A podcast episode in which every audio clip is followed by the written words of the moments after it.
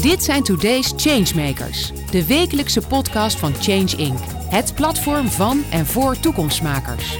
Iedere week gaat Paul van Liemt in gesprek met de mensen die vandaag al grote stappen zetten. Ze zijn open, niet bang, ze innoveren, ze voegen daad bij woord. Verandering als businessmodel. Ben jij dat? Dan zit je bij ons aan tafel. Changemaker Peter Molengraaf is ruim één jaar boegbeeld van de topsector energie. Een man met een brede ervaring in de energiewereld.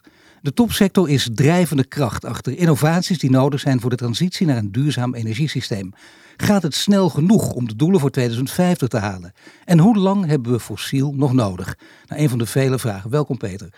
Ja, het is lastig. Uh, meneer Molengraaf eigenlijk natuurlijk, het boegbeeld van de topsector met een indrukwekkende achtergrond. Maar toch uh, spreken we af een beetje ook in het kader van dit format. het is ook interview en gesprek door elkaar. om toch te proberen te tutoyeren. Gaan een poging wagen. Vind je geen goed idee? Hè? Prima, ja. ja.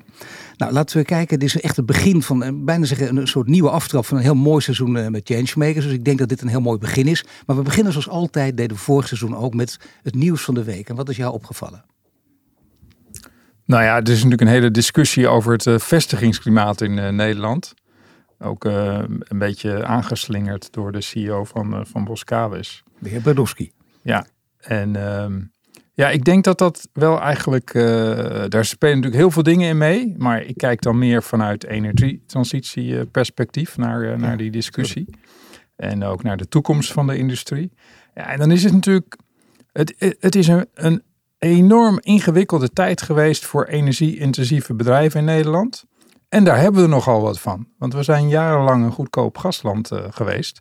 Eerst met ons eigen gas, nog steeds een beetje. En toen met Russisch gas. Ja, die tijd komt niet meer terug.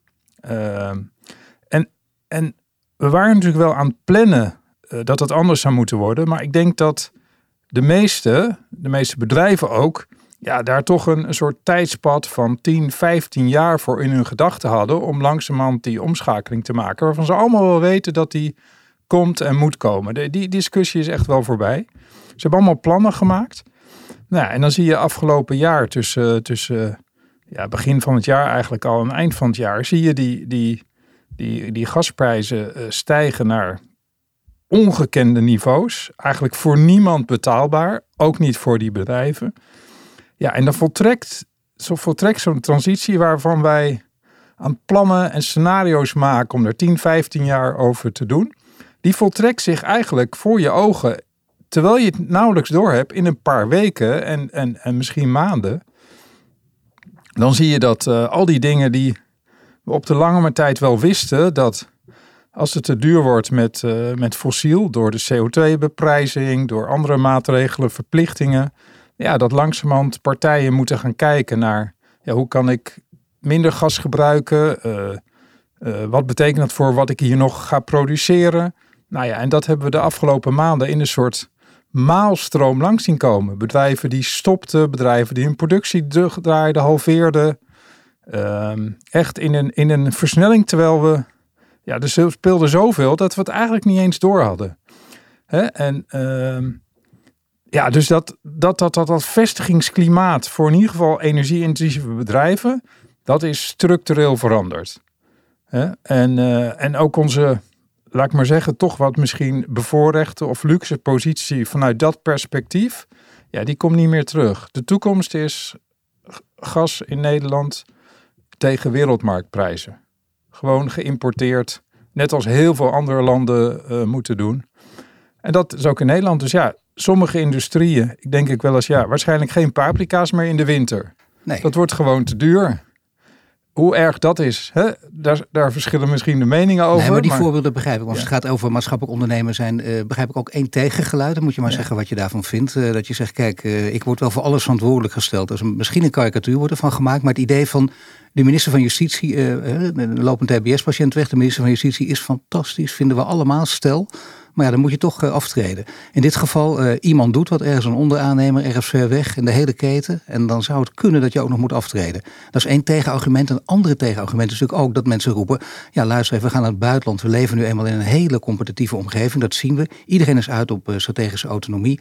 Dus ja, jongens, luister even. In zo'n wereld kun je niet, niet dit soort dingen verplicht gaan stellen in een wet. Nee, nou, ik, ik, ik denk dat we veel beter moeten gaan begrijpen, iedereen, waar onze spullen vandaan komen. Zowel als consument als als producent, als je dingen inkoopt, materialen inkoopt. Uh, die verantwoordelijkheid rust op ons. En ik denk ook dat de, de realiteit is dat, uh, daar hoop ik dat we straks nog over gaan hebben, maar dat je eigenlijk niet kunt wachten als maatschappij tot de politiek die keuze zo helder maakt dat je moet. Hè? Dus die hele, dat hele idee van license to operate, zolang ik binnen de bestaande wetgeving opereert, is het oké. zo gaan de komende decennia er niet uitzien. Uh, in de politiek is het zo moeilijk om, om de juiste keuzes te maken. Ja, dat die, die, die, die verantwoordelijkheden steeds meer op, op burgers en bedrijven gelegd gaat worden. Uh, en de maatschappij dat eigenlijk ook doet. En dan zie je ook dat zo'n rechter die zegt, uh, ja, misschien heeft de politiek dat nog niet helemaal vastgelegd in een wet, maar er is de, de, de rechten van de mens en er zijn andere internationale verdragen. Ja, en daar heeft u zich gewoon allemaal aan te houden. En, ook als dat nog niet helemaal misschien in de Nederlandse wetgeving die je dan in het Nederlands college vertaald is. Maar is het wel goed om een wet te maken met Nederland als koploper? Dat is weer een ander argument dat wordt ingebracht door veel bedrijven. Lang niet door alle, maar wel door veel bedrijven. Die zeggen, waarom zouden we daar geen Europese wetgeving van maken?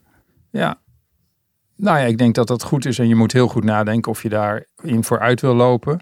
Aan de andere kant, als bedrijf wil je vaak ook vooruitlopen op je concurrentie. Tuurlijk. dus ja, in, daar moet je denk ik gewoon met elkaar een open discussie uh, over hebben.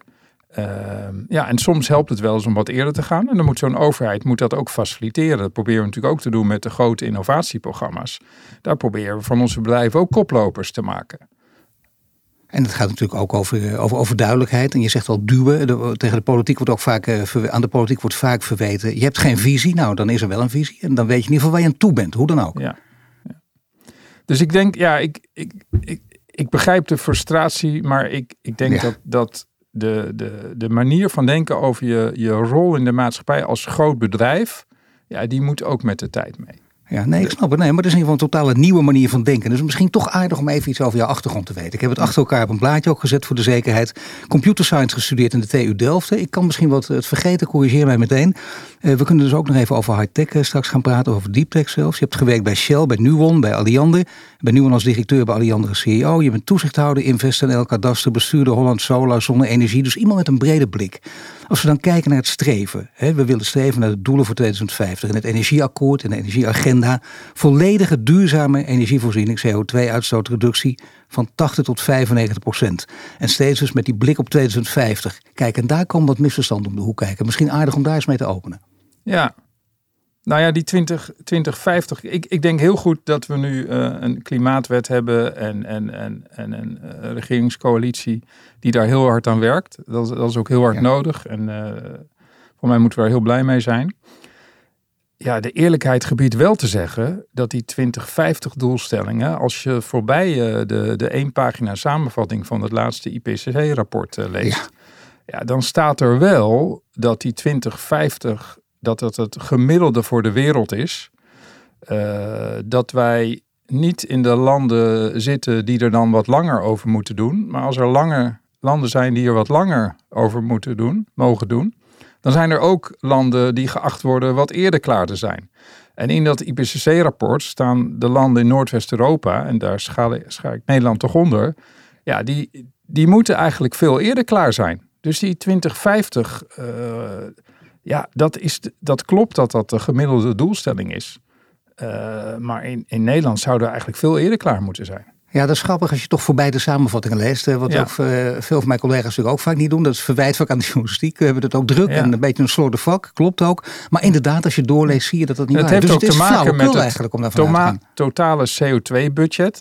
Om, om, om binnen twee, of liefst uh, eigenlijk nu is het doel om binnen anderhalf graden uh, te blijven. Ja, als je dat gewoon als een totaal resterend CO2-budget ziet, dan, dan, dan moet je eigenlijk eerder klaar zijn. Ja, en als je ook nog vindt, waar ook heel wat voor te zeggen is, dat wij eigenlijk in, in, in Europa, Noordwest-Europa, in Amerika, hè, eigenlijk al het overgrote deel van die CO2-uitstoot veroorzaakt hebben. En dat er andere uh, landen zijn waarvan we eigenlijk uh, wat ruimte voor moeten maken. Die ruimte zullen wij moeten maken. Ja, dan kom je nog eerder uit. Dan kom je eigenlijk in 2035 of 2040 maximaal uit. Hè? Dus, dus ja, ik vind die 2050. Ik ben blij dat we er nu naartoe werken. Maar als ik heel eerlijk ben, moet het allemaal veel sneller.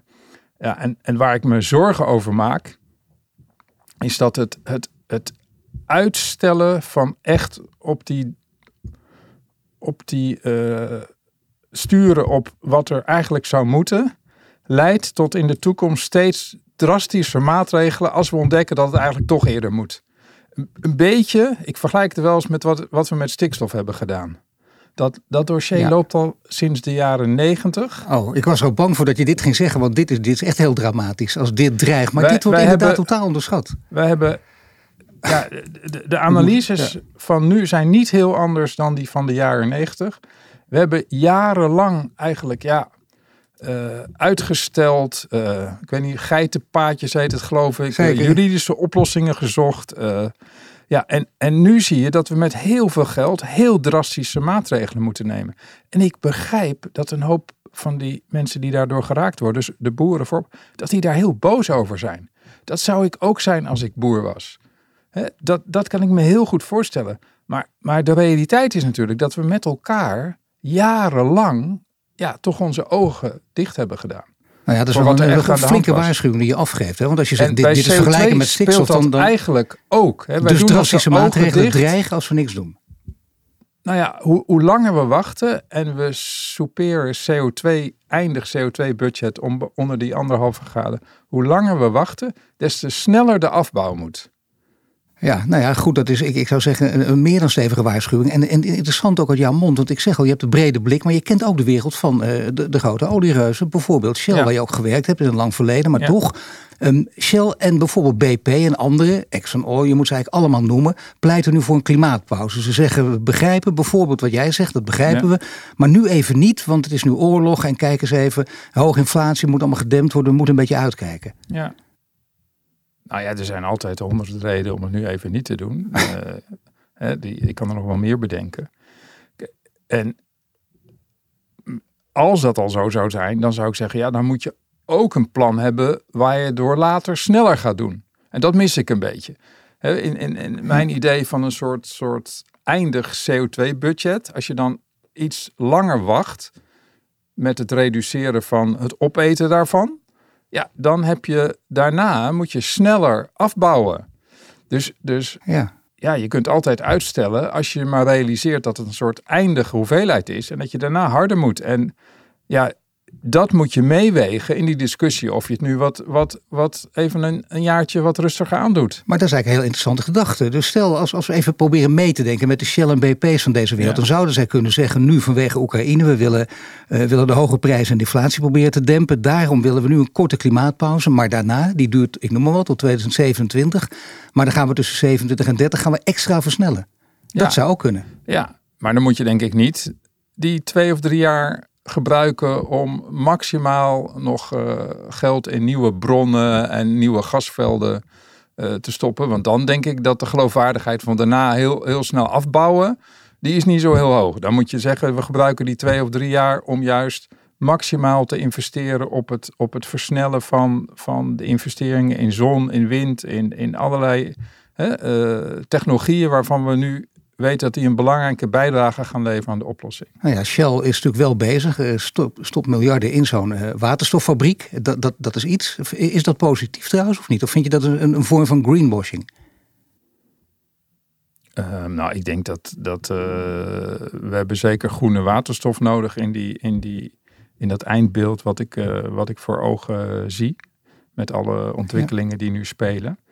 Ehm, en om dan te beginnen met het uh, vervangen van uh, waterstof die je nu uit, uh, uit gas haalt in de, in de raffinaderij. ja, dat lijkt me, lijkt me op zich prima. het iets wat ongemak wat je misschien in mijn stem hoort, is dat ja, al die investeringen die je doet in, in eigenlijk het verlengen van de levensduur van fossiele oplossingen, ja, daar die, die zouden ook wel eens in dat snelle afbouwpad hè, uh, tot, tot problemen of in dat geval versnelde afschrijvingen leiden.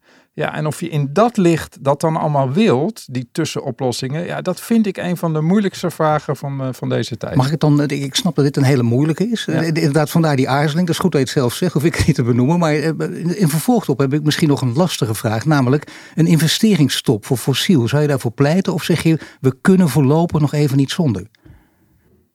Nou ja, ik denk dat, dat uh, uh, op de hele korte termijn kunnen we niet zonder. Ehm maar we, het grootste deel van de investeringen ja, moet echt gaan in het versnellen van duurzame oplossingen. Want dat is de, de enige echte uh, weg naar de toekomst. Nee, ik denk dat dat de boodschap ook, ook is, die door velen wel gedeeld wordt. Maar de boodschap moet die mooie woorden moet in daden worden omgezet. Dat, dat is belangrijk. Ik snap dat je dat ook, ook wil blijven herhalen.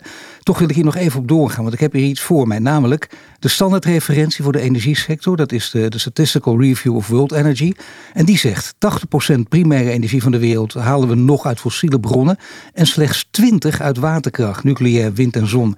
Dus ja, dat betekent dat een investeringsstop voorlopig nog niet mogelijk is op basis van deze enige standaard die we hebben. Ja, volgens mij is dat wat ik ook net zei, dat we nog even niet zonder kunnen. Ja. En, maar dat, dat, daar, daar zul je dan toch heel gebalanceerd naar moeten kijken. En, en ja, als, als ik in de.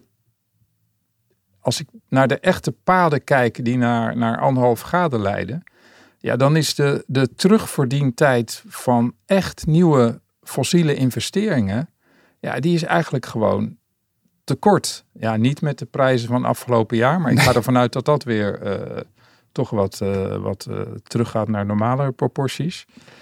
Um, ja, dat, dat leidt dan in die, in die versnelde daling die we straks moeten realiseren, leidt dat tot, tot hele grote teleurstellingen bij, bij eigenaar van die projecten, denk ik. Ja, dat, dat, is, toch, dat is de grote vraag hoe je, hoe je dat oplost. Maar één ding wat je zeker moet doen, is eigenlijk het versnellen waar mogelijk van die verduurzaming. Dat is, dat is in elk scenario goed.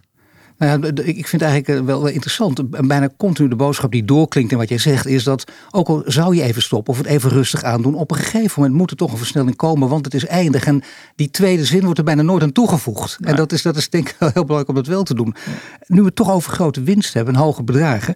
Wat dacht je van uh, bijvoorbeeld uh, de discussie die heel groot is natuurlijk nu, de olieruis en de energieleveranciers, enorme winsten, maar ze gaan niet naar de aandeelhouders.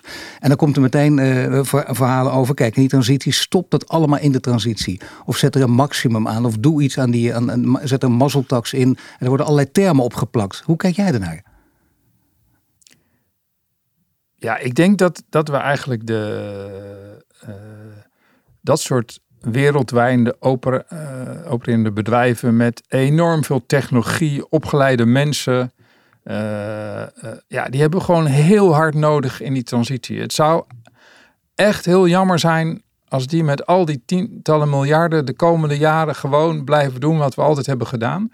Want op een bepaalde manier stelt dat eigenlijk ook de attentie en de aandacht en het kapitaal voor die omslag naar duurzaam gewoon uit. En we hebben ze hard nodig. Ja. Nou ja, dus het oude spel zou het blijven zijn alleen maar grote winsten aan aandeelhouders geven. Ja. Dan doe je wat je altijd gedaan hebt. Nou ja, en ik denk de, de, de eerlijkheid gebieden dat, dat, dat Shell en BP nog even los van afgelopen jaar. Dat zijn natuurlijk de afgelopen decennia uh, erg winstgevende bedrijven geweest.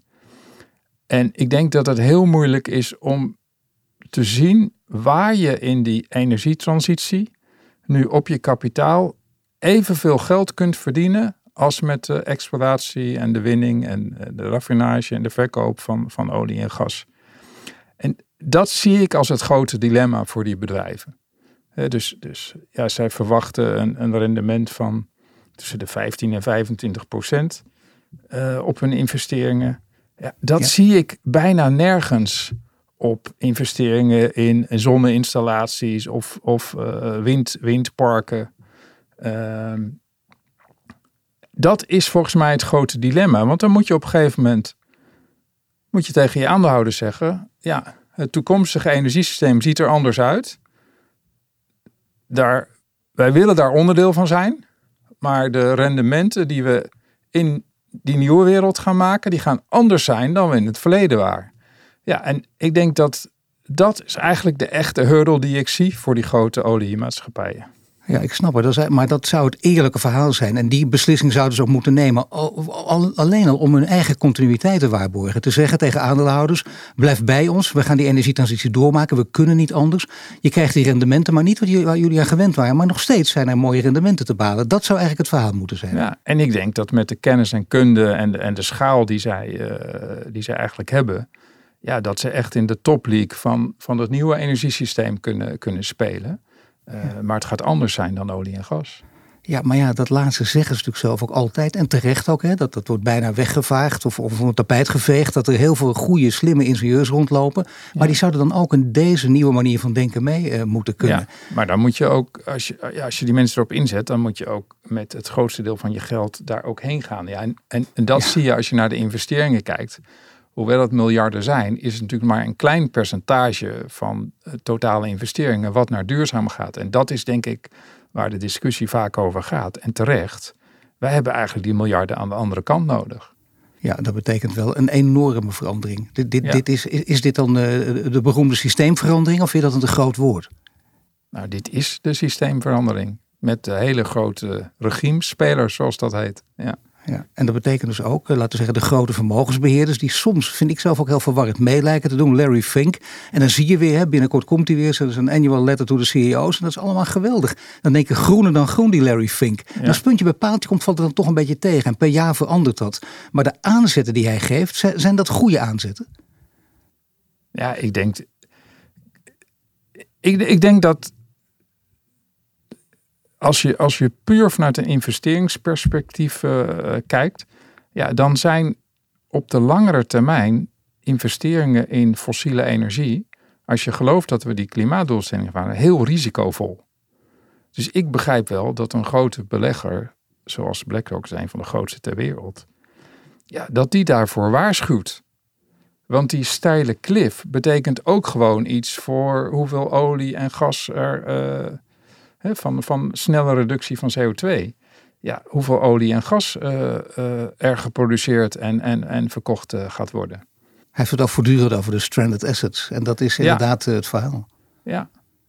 Dat gaat dus al een beetje de richting op. Want dat zijn grote partijen. Daar zit ook het geld. Dat is, Ik zou bijna zeggen, dat is dan de nieuwe wereld. Dat is de echte systeemverandering. En dat is dus niet, want daar gaat het over. We willen voorbij die mooie woorden. Zie jij tekenen aan de horizon waarvan jij denkt, nou ik ben toch uiteindelijk hoopvol gestemd of niet? Nou ja, ik zie wel dat, dat steeds meer hele grote beleggers, tot aan de BlackRocks van deze wereld toe, ja, hun, hun portfolio's verschuiven naar duurzaam, naar windparken, naar zonneinstallaties over de hele wereld. Ja. En, en uh, ja, de vraag is hoe snel kunnen we dat uh, schalen? Dat is, de grote, dat is voor mij de grote vraag. En, en, en dat schalen, dat, het is inderdaad nog maar hè, een, wil, wil een, een, uh, 15, eh, 20 procent. Dus we, hebben nog heel veel te doen. Aan de andere kant, als je bijvoorbeeld, ja, dat, dat doe ik dan toch wel met een, met een glimlach. Ja, als je de, van de afgelopen jaren de voorspellingen over duurzame opwek van het Internationaal Energieagentschap ziet, ja, dan we, zie je dat we keer op keer, jaar na jaar, met elkaar veel meer zon en wind neerzetten dan zij in hun modellen hebben. En ook afgelopen jaar weer is, is er veel meer zon uh, geïnstalleerd wereldwijd dan, dan zij eigenlijk konden bedenken. Daar, daar klamp ik mij een beetje aan vast. Het zal nog veel meer moeten, maar blijkbaar kunnen we toch meer dan we denken als we er met z'n allen voor. En daarom hebben die grote partijen, ook die oliemaatschappijen, zo hard nodig. Want dat schalen, ook wereldwijd, dat is iets wat zij kunnen. Maar ja, dat, dat is ook een, het, het mooiste verhaal wat er is. En wat door, door velen ook wel wordt, wordt geroepen. Van, van Paul Polman tot, hè, noem ze allemaal maar op. Natuurlijk de samenwerking nu. Kijk even juist voorbij die competitieve belangen. En grappig dat je dat zegt over die modellen. Moet ik ook al aan lachen. Want nou, dat hebben we tijdens de financiële crisis gezien. Vijftien jaar geleden. De modellen van die economen waren ook gestoeld op het verleden. En dat geldt hier ook. Dus die modellen kunnen positiever uitrollen. Dat kan inderdaad een, een groot voordeel zijn. En mag ik nog een punt even eh, aanstippen? Want je zegt de grote vraag. Er zijn er nog een paar. Die staan eh, op je eigen site notabene. Toen jij een jaar geleden aantrad. Dan zeg je nou, er zijn twee grote thema's. Hoe gaan we nog meer duurzame energie opwekken? En ten tweede, de continue beschikbaarheid van energie. Daar zijn we gewend hier. Hoe slaan we zon en wind op? Nou, zullen we die eerste even doen. Hoe gaan we nog meer energie opwekken? Ja. Nou ja, ik ben heel, heel blij dat het, uh, het huidige kabinet hè, de, de doelstelling voor uh, wind op zee al verhoogd heeft van, uh, van 10 of 11 naar 21 in 2030. Ja. En ook een doorkijkje heeft gegeven naar hè, misschien wel 70 of nog meer gigawatt op zee richting nou ja, 2050. En je weet wat ik van die datum vind. Ja. Hè, dus, maar ik denk dat is wel wat er nodig is. Uh, een, een, wat langer termijn perspectief met concrete doelstellingen. Want dan zie je dat, dat, dat zo'n hele industrie, die gaat zich daarop organiseren. Die durven opeens in een, in een nieuw schip te investeren, door te innoveren met windmolens. Want die weten, de komende jaren komen er heel veel gelegenheden om die windmarken te mogen bouwen. Daar, daar kan ik me voor inschrijven. Uh, en, en daar wil ik me op voorbereiden en, en daar zijn we goed in. Nou, dat is eigenlijk wat je, wat je wil. En daar wil je eigenlijk al ons vernuft en alle, alle, alle denkkracht en ook onze financiële spankracht, die moet daarin om dat te versnellen. En, en je ziet ook op uh, met, uh, met zon dat, dat we nog steeds uh, hard, hard groeien. Afgelopen, we zitten nu rond de 20 gigawatt in Nederland. Dat is eigenlijk al meer dan we op een, ja. met, in, in, in het huidige systeem op een, op een zonnige dag aan, aan piekvraag hebben. En dat geeft denk ik eigenlijk ook precies de, de, de uitdaging aan, zowel met wind, maar, maar nu eigenlijk al met zon. Is dat als je nu nieuwe projecten doet, dan moet er eigenlijk ook nieuwe vraag bij. Dus dan, dan uh, prima als je een nieuwe zoninstallatie bouwt, maar wie gaat het afnemen? En wie gaat zijn, zijn vraag zo organiseren dat hij dan ook die extra productie op dat moment kan absorberen. Uh, solar carports vind ik een prachtig voorbeeld ja. op uh, bedrijventerreinen uh, met, voor elektrische auto's. Die staan daar over het algemeen stil op dat parkeerterrein, precies als uh, de, de uur dat ja. de zon schijnt als die er is. Nou, dan, dan kun je daar meer zon op kwijt en je hebt eigenlijk geen netinfrastructuur nodig, want het kan gelijk de batterijen van die auto's in. Nou, en, en bij de nieuwe projecten voor wind op zee, en dat zie je ook al in de consortia die de afgelopen keer hebben geboden, ja, dat dat steeds meer niet alleen producenten zijn die, die dat neer willen zetten, maar ze hebben eigenlijk ook de additionele vraag daarnaast georganiseerd. En dat is denk ik de uitdaging voor de komende jaren. Als we dat uitbouwen, niet alleen het uitbouwen, maar ook wie gaat er meer elektriciteit gebruiken? Maar ja, als je ook naar de studies kijkt van, van al die ja. industriële regio's, ja, die vragen ook allemaal, wanneer kunnen we nou groene elektronen krijgen? Ja. Dat is het punt. En, en dat moeten we samen. En daar moet eigenlijk al onze kennis en vernuft en onze innovaties en het kapitaal van die grote fossiele spelen moet daarin. Maar dat hebben we wel in huis. Dat, dat weet je. Je kijkt ja. om je heen, die komt die mensen vaak tegen op congressen in, in de, in de netwerksfeer natuurlijk. Ze ja. zijn er natuurlijk wel. Ja. Dus op het gebied van, van high-tech, deep-tech, om even naar jouw begintijd terug te gaan toen je computer science studeerde. Je ziet ook dat er heel veel van dit soort mogelijkheden zijn. Ik bedoel, als, als ze de koppen bij elkaar steken, dan kan het ook. Ja, nou, absoluut. En ik, ik denk dat we dat, dat, dat denken, dat moeten we ook nog, nog ja, verder ontwikkelen. Hè. Een van de grote uitdagingen vind ik, en, en daar gaan we de komende jaren ook uh, innovatieprogramma's rondom uh, wind op zee uh, doen. Kijk, tot nu toe hebben we eigenlijk altijd gedacht, als we een nieuw windpark bijzetten, dan vervangt dat elektriciteit uit een gascentrale of een kolencentrale. Dus, dus we hoeven eigenlijk niet zo heel erg naar, naar de matching met de vraagkant te kijken. Ja. Maar ja, de, de, daar zijn we in ieder geval met zon al voorbij en met wind binnen een paar jaar ook uh, voorbij. Dus we moeten echt naar die matching met de vraagkant gaan kijken. En dan moet je eigenlijk, die windmolens, die moeten niet maximale capaciteit op de piek gaan leveren. Maar die moeten zoveel mogelijk uren draaien. En als je aan een windontwikkelaar vraagt: geef mij een molen die niet de maximale opbrengst op de piek levert, maar zoveel mogelijk draaiuren maakt, zegt hij ja. Maar dan moeten we misschien eigenlijk stoppen met ze steeds groter te maken. Dan heb je vooral windmolens nodig die bij een klein zuchtje wind al gaan draaien. Dan maak je gewoon meer uren. Ja.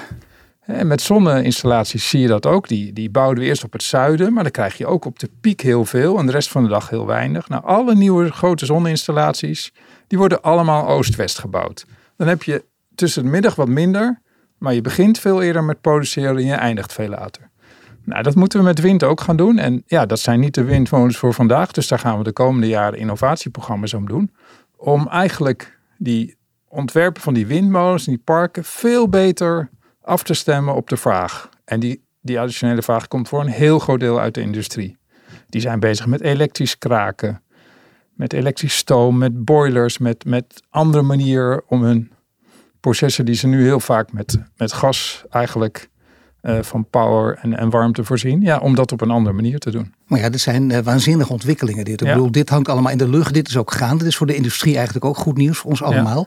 Die kant gaat het op. Dat betekent dus ook dat het probleem van de beschikbaarheid opgelost gaat worden. Dat we continu energie kunnen blijven leveren.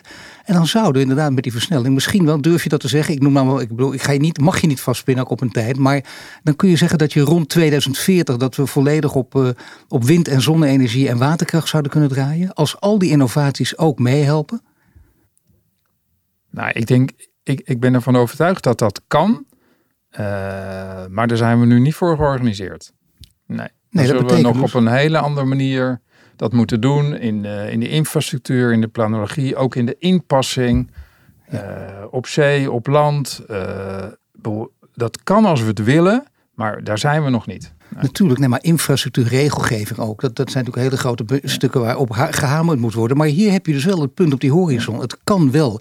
Dus ja, dan, dan is het een extra reden om dit verhaal, denk ik, zoveel mogelijk te gaan vertellen. Dat doe je natuurlijk al, maar dit wijdverbreid uh, onder, onder ieders aandacht te brengen. Dan ik wil nog iets zeggen over die, over die infrastructuur, als ik, uh, als ik mag. Nou, liever niet. Nee, maar natuurlijk. Kijk, die, die elektrische infrastructuur, daar, daar lopen we eigenlijk nu al tegen, tegen de grenzen aan van hoe snel we dat uit uh, kunnen bouwen. Maar ik denk dat het goed is om, om daar even van iets meer afstand naar te kijken. Kijk, wij hebben, wij hebben eigenlijk, omdat we naar elk huis een gasleiding hebben aangelegd en naar elk bedrijfspand een gasleiding hebben aangelegd, hebben wij historisch gezien een relatief dunne elektriciteitskabel gelegd naar alle huizen en, en naar alle bedrijven. Dat is gewoon hoe ons energiesysteem de afgelopen decennia heeft zich heel ontwikkeld en wat, wat uh, logisch is. In andere landen is dat heel anders. Uh, als je naar Scandinavië gaat of naar Frankrijk, daar hebben ze helemaal geen aardgas naar elk huis. In uh, Noorwegen hebben heel veel gas, maar relatief weinig gebruiken ze zelf. Ja. Die hebben wel elektriciteitskabels in, in dat hele land naar elk huis aangelegd. Dat is eigenlijk uh, de bron van, van energie, van power. Ja. En ehm, Daarnaast gebruiken ze uh, veel warmtebuffers om eigenlijk op de pieken meer warmte te hebben. En, en, en wij hebben dus eigenlijk voor die hele elektrificering, voor die omgaan als Nederland niet een voorsprong, maar eigenlijk een achterstand. Ja, en ik denk dat we in die zin ook wat krediet moeten geven aan die, die netwerkbedrijven, want die moeten enorm opschalen die moeten veel meer doen dan in andere landen. Omdat, omdat we vanuit die situatie komen. En dat, dat systeem werkte hartstikke goed.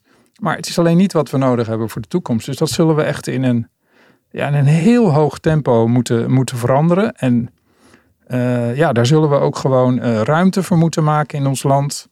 Uh, vergunningen voor moeten geven. Nou ja, alles waar, we, waar die netbedrijven tegenaan lopen als ze stations uit willen breiden, extra kabels leggen. Zullen ze mij moeten helpen. En daarnaast heb je natuurlijk ook de vakmensen nodig. En dat wordt niet, vaak, eh, niet voor niets vaak genoemd. Ja. de kinkende kabel van de energietransitie. En als het al jaren genoemd wordt, dan mag ik hopen dat uh, toen bijvoorbeeld Doekle Terpstra ermee begon, met, met, met deze kreet twee jaar geleden, dat toen onmiddellijk al begonnen is ook met het opzetten van opleidingen. Ja. Heb jij het idee dat dat gaande is en dat dat vanzelf daardoor ook opgelost gaat worden? Of wordt het anders een soort schipholvuil? Dat je gewoon niet genoeg mensen kunt krijgen? Ja, ja, ik, ik hing daar een beetje tussen twee gedachten. Ik, ik ken ook de, de situatie van technici in Nederland en dat er eigenlijk meer uitstromen uit, uh, uit, uh, uit de totale populatie van, van werkenden dan dat er instromen. Uh, en daar moeten we van alles aan doen. om mensen uit te leggen hoe hard het nodig is en hoe nuttig is dat we daarmee aan het werk gaan. Um, maar ik kijk ook wel eens ja, ik, ik kom natuurlijk uit die energiesector, maar ik ben nu ook voorzitter van die, van die zonnesector. Ja. En als ik bij de energiesector in de zaal kijk, en ook als ik daar een paar maanden, een paar jaar eigenlijk met wat meer afstand naar kijk, dan ken ik nog heel veel mensen. Dan, dan, dan zie ik heel veel mensen. En, en als ik een ledenvergadering heb van, uh, van Holland uh, Solar, ja, dat zijn gewoon 90% zijn ondernemers die tien jaar geleden helemaal niet in die zonnesector zaten. Ja. Die, ik weet niet wat ze deden de een stond misschien op de markt en de ander die zat nog in de dvd's. En, Geschiedenisleraar? ja, ik weet het niet. Maar, maar die, die hebben zich omgeschoold. Die, die zagen kansen of die wilden eraan bijdragen of die wilden erbij zijn. En die, zijn en die hele zaal zit vol met mensen die helemaal niet tien jaar geleden in die energiesector werkten. En. Ik denk dat, dat we dus veel meer kunnen dan we soms denken. Dus als je in dat, in dat zaaltje van die energiesector kijkt, denk je ja zijn, het zijn ook niet meer mensen geworden. Als we, ja, dan, dan, dat, dat lijkt als een enorme beperkende factor. Terwijl als ik in die andere zaal zie, denk ik, hoe, waar komen al die mensen vandaan? Maar ik denk ook wat geweldig dat we met elkaar allemaal aan werken. Zo. Tuurlijk, en maar, maar gewoon meer van de ene zaal naar de andere kijken. En kijk even ondernemerschap. En zie je kansen, grijp je kansen ook. Dat zou ons ook zo inderdaad denk ik verder kunnen helpen. Nu heb je altijd bij alles wat je doet maatschappelijk draagvlak nodig. En dat is misschien wel de belangrijke vraag die je altijd boven of onder hangt. Net hoe je het ziet. Namelijk, mag je toegeven dat in een transitie niet alles altijd verloopt. Ik merk ook hoe jij praat. Je, je, je bent af en toe bewust volgens mij aarzelend dat je ook... Je wil zo eerlijk mogelijk antwoord geven. Wat ik zeer waardeer natuurlijk. Dat je nooit van eh, bij, bij, elk antwoord precies kunt zeggen het is ja of nee.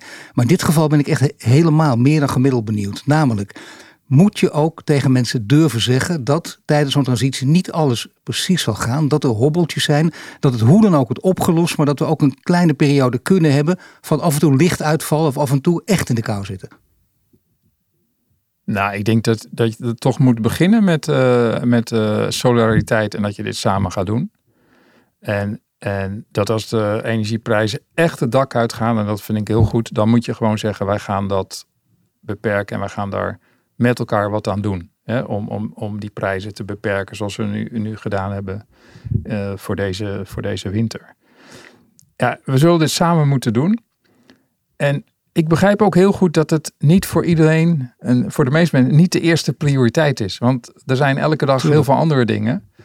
Um, maar dat, ja, we zullen toch met elkaar uh, dat moeten doen. En, en niet alles gaat hetzelfde blijven. Nee, dat, dat, dat weet ik heel zeker die energie-intensieve industrie, die zullen veel eerder dan misschien gedacht een sommetjes opnieuw moeten maken. En de meesten hebben het al gedaan hoor.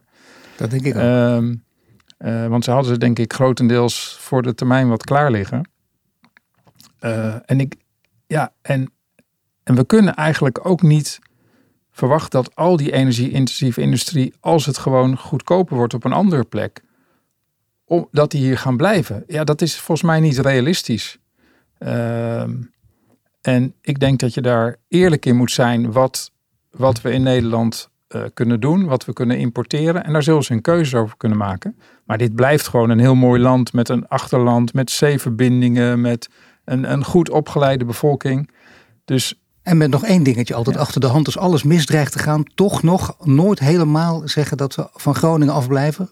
In het uiterste geval Groningen gebruiken. Liever niet, maar in het uiterste geval.